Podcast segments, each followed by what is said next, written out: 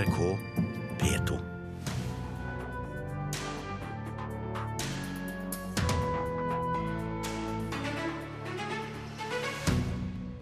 Telenor-eid selskap har stanset opposisjonelle nettsider og TV-kanaler i Russland. Telenor er med og knebler demokratiet, mener Helsingforskomiteen. Private teatre krever å få søke offentlig støtte etter flere konkurser. Og Y-blokken er en viktig del av byen og arkitekturen, sier de som fortsetter kampen for å bevare deler av regjeringskvartalet. Kulturnytt i Nyhetsmorgen i NRK. Et selskap som Telenor er deleier i, har stengt en opposisjonell TV-kanal og mange Putin-kritiske nettsider i Russland. Telenor eier en tredjedel av det russiske mobiltelefon- og internettselskapet VimpelCom, som nå får kritikk fra menneskerettighetsorganisasjoner for sensur og blokkering av nettopp nettsider i Russland. Helsingforskomiteen mener Telenor er delaktig i å bryte menneskerettighetene. Det er veldig alvorlig. Det sier assisterende generalsekretær i Helsingforskomiteen, Gunnar Ekeløve Slydal, om det statseide Telenor er involvert i i Russland. Fra før er VimpelCom og Telenor under gransking for korrupsjon. Nå får de kritikk for å blokkere opposisjonelle nettsider. Det må jo være helt i strid med det Telenor er til for å gjøre, nemlig for å hjelpe folk til å kommunisere og ytre seg. Vi hører fra norske myndigheter, fra telekomselskapene sjøl, at de er viktige for å fremme ytringsfrihet. Men her er de direkte med på å begrense ytringsfriheten. Ergo er de også med på å bryte menneskerettighetene. Putin-regjeringa har fått gjennom stadig strengere lover som blir brukt til å stenge kritiske og opposisjonelle nettsider. Det skjer på den måten at myndighetene finner sider som de ikke liker, og så ber de internettleverandørene å sperre dem. Et av de selskapene som blokkerer tilgangen til nettsider, er VimpelCom og deres internettleverandør Beeline, som Telenor eier 33% av. In fact, Beeline is in the first rows of that uh, blocking. Telenor og Beeline har stått i front med å stenge opposisjonelle nettsider. Det sier menneskerettighetsadvokat Damir Gainutinov. Han er medlem av den russiske menneskerettighetsorganisasjonen Agora, som vant Rafto-prisen i høst. Gainutinov sier rett ut at Telenor er med på å kneble demokratiet og ytringsfriheten i Russland. Yes, they do. Han sier at verken VimpelCom eller eier Telenor sa noe da parlamentet kom med strengere lover, men at Facebook, Google og Wikipedia protesterte. Google Facebook. Uh, Wikipedia went on a strike, but internet service providers said nothing. Tidligere i år så kutta det Telenor-deleide Beeline kabelsignaler til den siste uavhengige TV-kanalen i Russland, Dost. Det er en kanal som fikk presseprisen i 2014 av Fritt Ord. Telenor ville ikke stille til intervju, men svarer dette på e-post. Telenor anerkjenner at dette er et vanskelig spørsmål, og ytringsfrihet og personvern har høyt fokus hos Telenor. Telenor er en minoritetsaksjonær i VimpelCom. Som sådan har vi ved flere anledninger diskutert spørsmål knyttet til respekt for menneskerettigheter med VimpelCom, inkludert ytringsfrihet og personvern. Vi kommer til å fortsette å følge opp VimpelCom på dette området. Gunnar Ekeløve Slydal i Helsingforskomiteen mener at Telenor burde ha protestert høglytt og offentlig på stengingene. De må vite hva som skjer i en så stor sak, når man stenger ned Russlands uh, nummer to TV-kanal. Og her uh, har de gitt etter altfor enkelt. Og det er veldig viktig å si i den saken så var det faktisk noen uh, internettoperatører og kabel-TV-operatører som sa nei til å stenge de ute. Blokkeringa av nettsider som Telenor delegde Beeline gjør på vegne av russiske myndigheter, er nå oppe i Den europeiske menneskerettighetsdomstolen.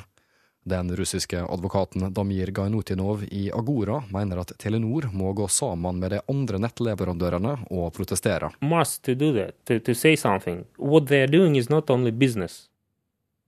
Og vår reporter Øystein Vinstad. Morten Jentoft, NRKs korrespondent i eh, Moskva. Denne TV-kanalen Dost, som uh, Beeline skal ha blokkert signalene til, hva slags uh, kanal er det? Ja, Dost er jo eh, kan du si, i dag den ledende opposisjonelle TV-kanalen i, i, Russland. Eh, den er altså tatt vekk fra de store kabeldistribusjonsselskapene. Men samtidig så har den stor innflytelse, fordi at utviklingen går jo på en måte i dens retning. Flere og flere ser på TV på en annen måte via internett.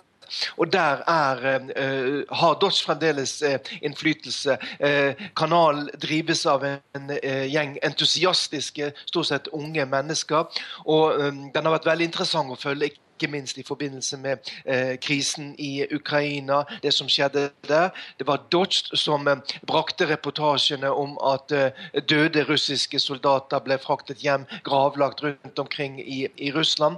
Så kanalen har spilt en veldig viktig rolle. Men den sliter, som det ble sagt her, den sliter bl.a. med de lokale kanalen har nå sentralt i Moskva, som den sannsynligvis da må ut fra i løpet av den nærmeste framtiden. Vi hørte i reportasjen eh, bl.a. Eh, sa den russiske menneskerettighetsadvokaten det at eh, Atos da ble, ble, stengt ute fra Beelines, som Telenor eier en del av, sin kabel-TV. I tillegg så hadde Beeline stengt f.eks. nettsiden til sjakkmesteren Kasparov, som er en kjent opposisjonell. Hvilken mulighet Hvilket gehør er det for de som protesterer mot dette i Russland? Det er jo internett som er det sentrale og er den sentrale kamparenaen akkurat nå. Altså, Kasparov sine nettsider blir jo også stengt i forbindelse med eh, krisen i Ukraina, annekteringen av Krim, som han var kritisk mot. Eh, akkurat nå så er sidene åpne igjen. Jeg sitter med den faktisk foran meg eh, nå. På internett så er det en livlig diskusjon i Russland. Der er det også kritiske eh, ytringer.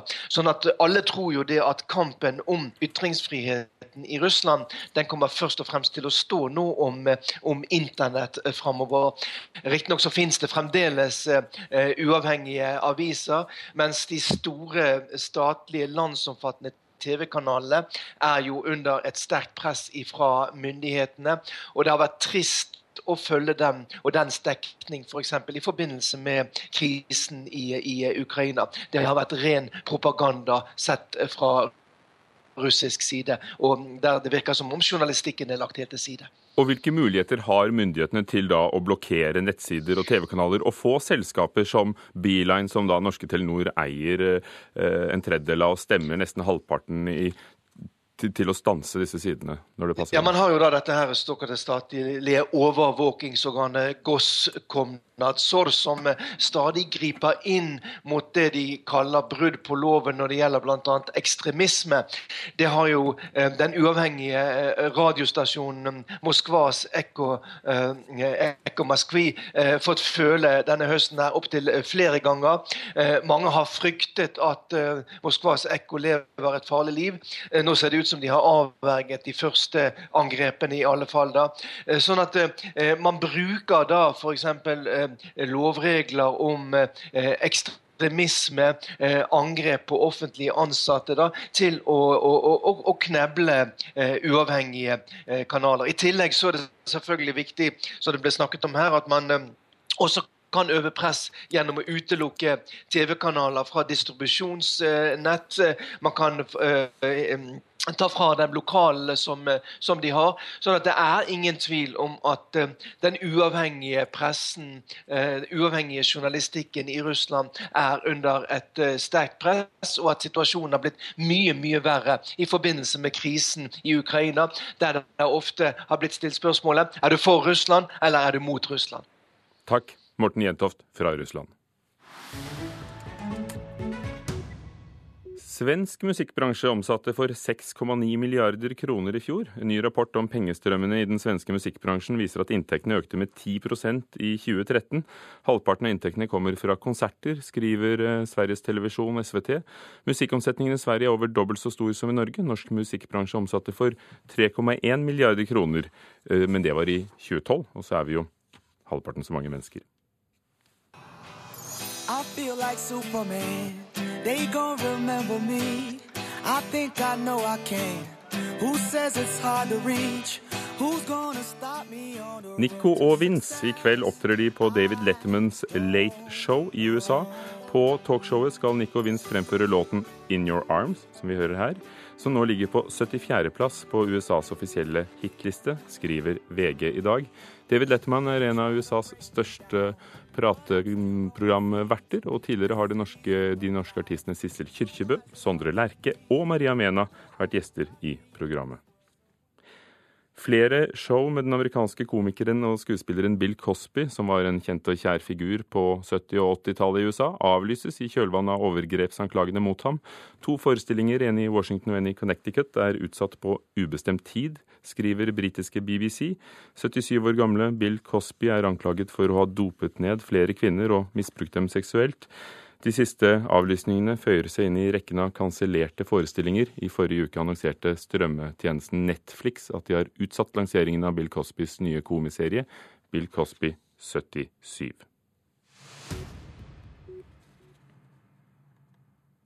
Røde tall og konkurser blant de private teatrene får dem til å be om muligheten til å få offentlig støtte. Privatteatrenes forening mener at mer støtte til de offentlige teatrene har undergravd deres egen virksomhet.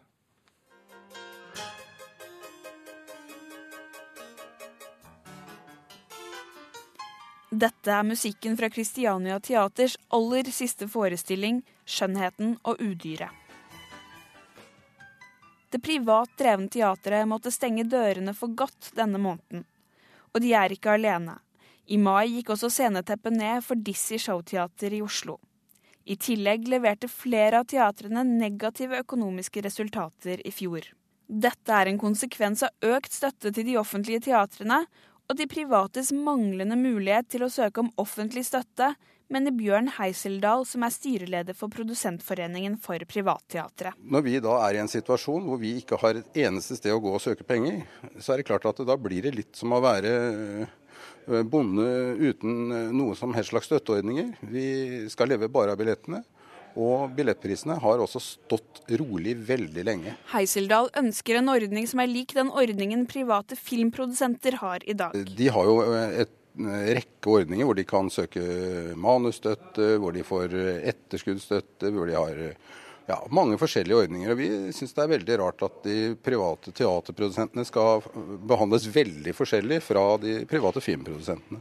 Eh, jeg syns det hadde vært greit med en støtte som premierte forestillinger som publikum faktisk ønsker å se. Det sier Jon Arne Sægrov, som driver Teaterhuset Stavangeren. Han er enig i at de private stiller dårligere i publikumsjakten når de konkurrerer mot de offentlige teatrene som får økonomisk støtte. Så en billettstøtte der en får eh, et tilskudd som en prosent av den omsetningen en faktisk har, ville stimulert den type teater som vi driver med. Statssekretær i Kulturdepartementet Bjørgulf Borgundvåg har foreløpig ikke noe annet svar enn at de ønsker å gjøre det lettere for de private teatrene. Private teatre har en lang og stolt historie i Norge og bidrar til et mangfold på scenekunstfeltet, så vi ønsker å ha virkemidler som både gir rom for offentlige og private teatre. Eh, hvis vi kan finne rom for det, så er vi åpne for å se på det. Bjørn Heiseldal i Produsentforeningen frykter konsekvenser for hele teatermiljøet i Norge dersom privatteatrene ikke får hjelp. Tilbudet til publikum blir eh, eh dårligere, smalere, og antall arbeidsplasser til frilansmiljøet blir mindre. Kulturdepartementet har foreløpig ingen konkrete planer, men det er tydelig at statssekretæren er opptatt av at privat teaterdrift skal forbli. De har en unik posisjon i norsk historie. Eh, Leif Juster drev Edderkoppen i 25 år. Jens Bukk Jensen har drevet Chat Noir. Lalla Karlsen, Kari Disen, Elsa Lystad, Arve Oppsal, Ylvis, Raske menn, Kvinne på randen, Britt Elisabeth Haagensen, Dizzie Dag Frøland. Altså, det er veldig mange eksempler i norsk teaterhistorie på at privatteatrene har spilt en viktig rolle som statssekretær Bjørgulf Vinje Borgundvåg kom med, reporter Siran Øsalp Gilderim. Klokken er 17 minutter over åtte dører på Nyhetsmorgen i NRK. Flere av dem som har reist for å krige i Syria og andre steder, har levd på siden av det norske samfunnet. Min samvittighet er ren, sier politimannen som drepte en ubevæpnet svart 18-åring i Ferguson. Opptøyene både der og andre steder i USA har fortsatt i natt. Russiske aviser skriver at Norge fryser all politisk kontakt med Russland, men det avviser statsminister Erna Solberg. Kampen om Y-blokken i regjeringskvartalet i Oslo fortsetter. Norsk design- og arkitektursenter, DOGA, mener det var feil av regjeringen å bestemme riving av blokken før arkitektene fikk foreslå nye løsninger for regjeringskvartalet. Beslutningsprosessen er blitt snudd på hodet, mener Hege Maria Eriksson, fagsjef for arkitektur i Doga. Det er et fantastisk bygg som uh, har helt uh, spesielle kvaliteter. Uh, håndverksmessig, denne industrihåndverket. materialbruken Beklager å si det, men vi bygger faktisk ikke med sånn kvalitet nå lenger. Hege Maria Eriksson mener det er mange grunner til å bevare den omdiskuterte Y-blokka. Hun er fagsjef for arkitektur i Norsk design- og arkitektursenter, og kritisk til hvordan politikerne håndterer dette byggeprosjektet, som er det største i Norge noensinne. Noen hevder jo at Y-blokken lager dårlige byrom, og det er jeg helt uenig i. Men i mai bestemte regjeringen at Y-blokka skal rives, og at Høyblokka får stå. Statsbygg skal snart plukke ut arkitektkontorene, som får komme med forslag til hvordan det nye regjeringskvartalet skal se ut i 2025. Eriksson lurer på hvorfor de måtte bestemme riving før de fikk arkitektenes vurdering av området. Vi er jo kritiske til prosessen. At beslutningene tas i litt feil rekkefølge her. Eh, den fasen vi skal inn i nå, hvor man faktisk skal undersøke konkrete muligheter og problemer og se på løsninger av det, den skulle kommet før man besluttet riving.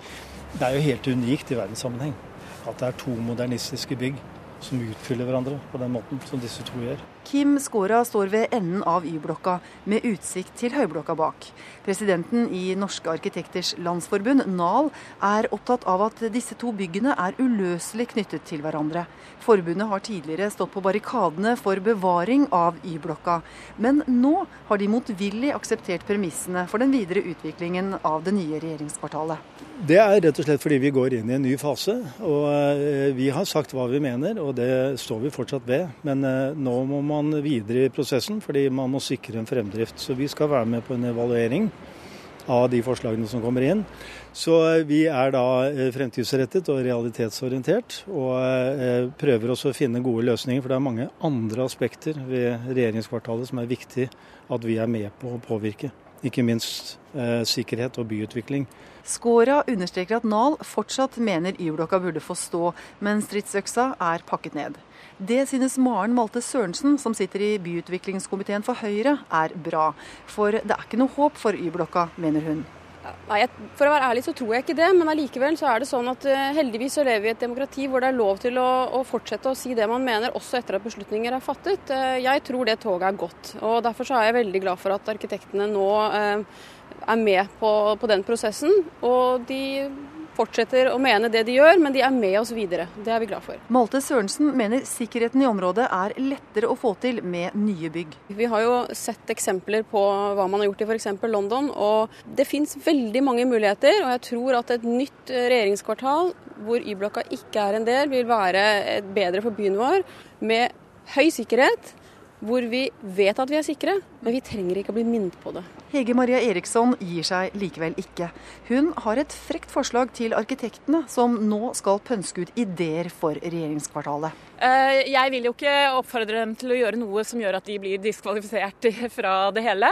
Eh, men, eh, men det hadde vært flott hvis vi kunne få se løsninger som viste at regjeringskvartalet lar seg løse uten at Y-blokka rives. Altså, Hvordan de vil løse det, vet jeg ikke, men det vil jeg jo oppfordre dem til å vise oss.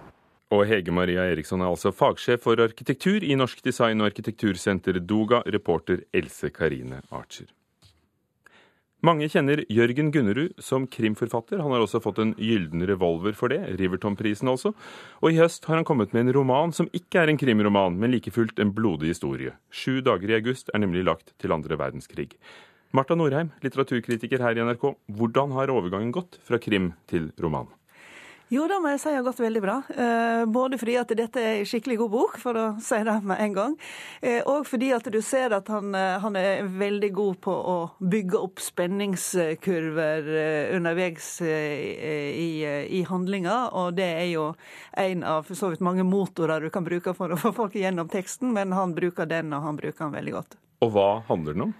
Ja, som du sier andre verdenskrigen. Altså, vi følger tre ulike miljø. Det er noen eh, flygere, eh, tyske flygere som skal på et raid eh, mot Sovjetunionen, og, og havner da eh, veldig langt nord i Norge.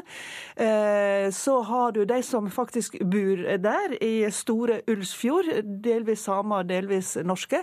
Og så har du studenter eh, fra Oslo som er ute for å dokumentere samisk eh, arkitektur.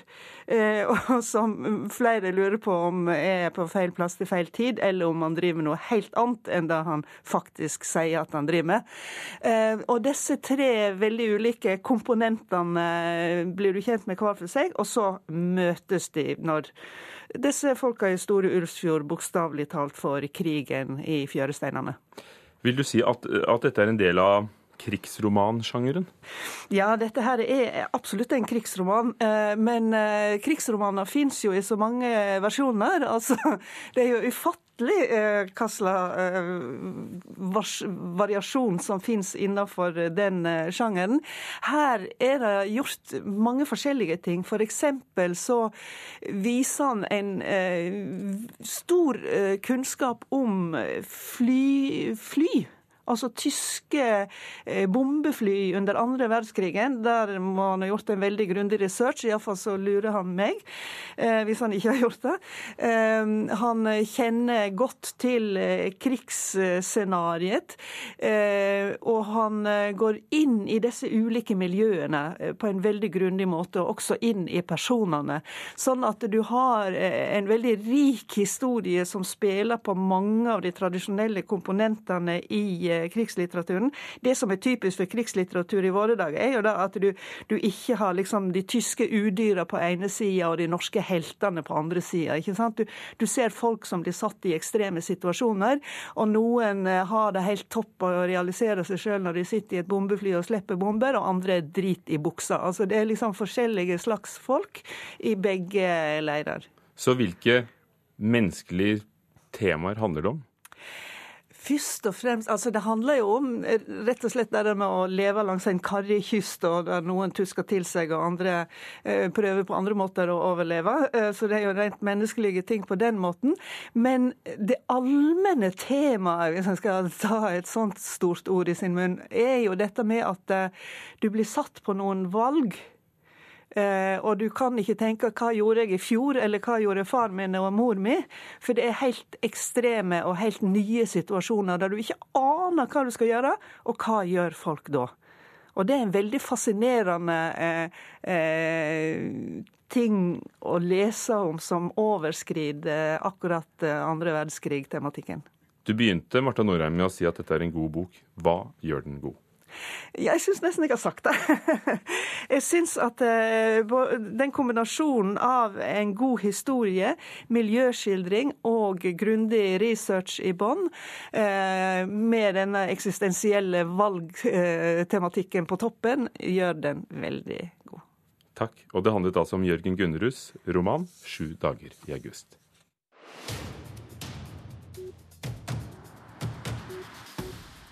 Ane fredag arrangerer Frivillighetssentralen i Fauske seniortreff. Der møtes folk over 55 år for å lære seg å bruke internett, og da reporter Kari Mette Skreslett dro innom, var det sosiale medier det handlet om. Er dere på nett nå, alle sammen? I et tettpakka møterom hos Frivilligsentralen Fauske sitter sju damer og én mann rundt et bord. Blikkene deres flytter seg vekselsvis mellom skjermen på laptopene de har foran seg, og smartboardet, dvs. Si tavla de har på veggen ved siden av seg. I dag er det sosiale medier som står på programmet, og instruktør Tor Håkon Bjørnli snakker om grupper på Facebook. Det var litt hvordan man ble med i gruppe, og, og eventuelt skal forlate gruppe. Er det noen som ikke er med i den Fauske før, som har lyst til å være med på den, så gjør dere det på samme måten. Bruk det søkefeltet oppe. Kursdeltakerne i dag er ikke nybegynnere i bruk av Facebook, og ei av damene syns at den såkalte fjesboka er brukende til sine ting. Det er jo utrolig, altså, for man kan få så veldig mye kontakt. For det er jo noen som legger ut så mye så de, det de holder på med. Altså, jeg har jo sett de som har lagt ut at de har svidd ei gryte, og det syns ikke jeg er så interessant, da.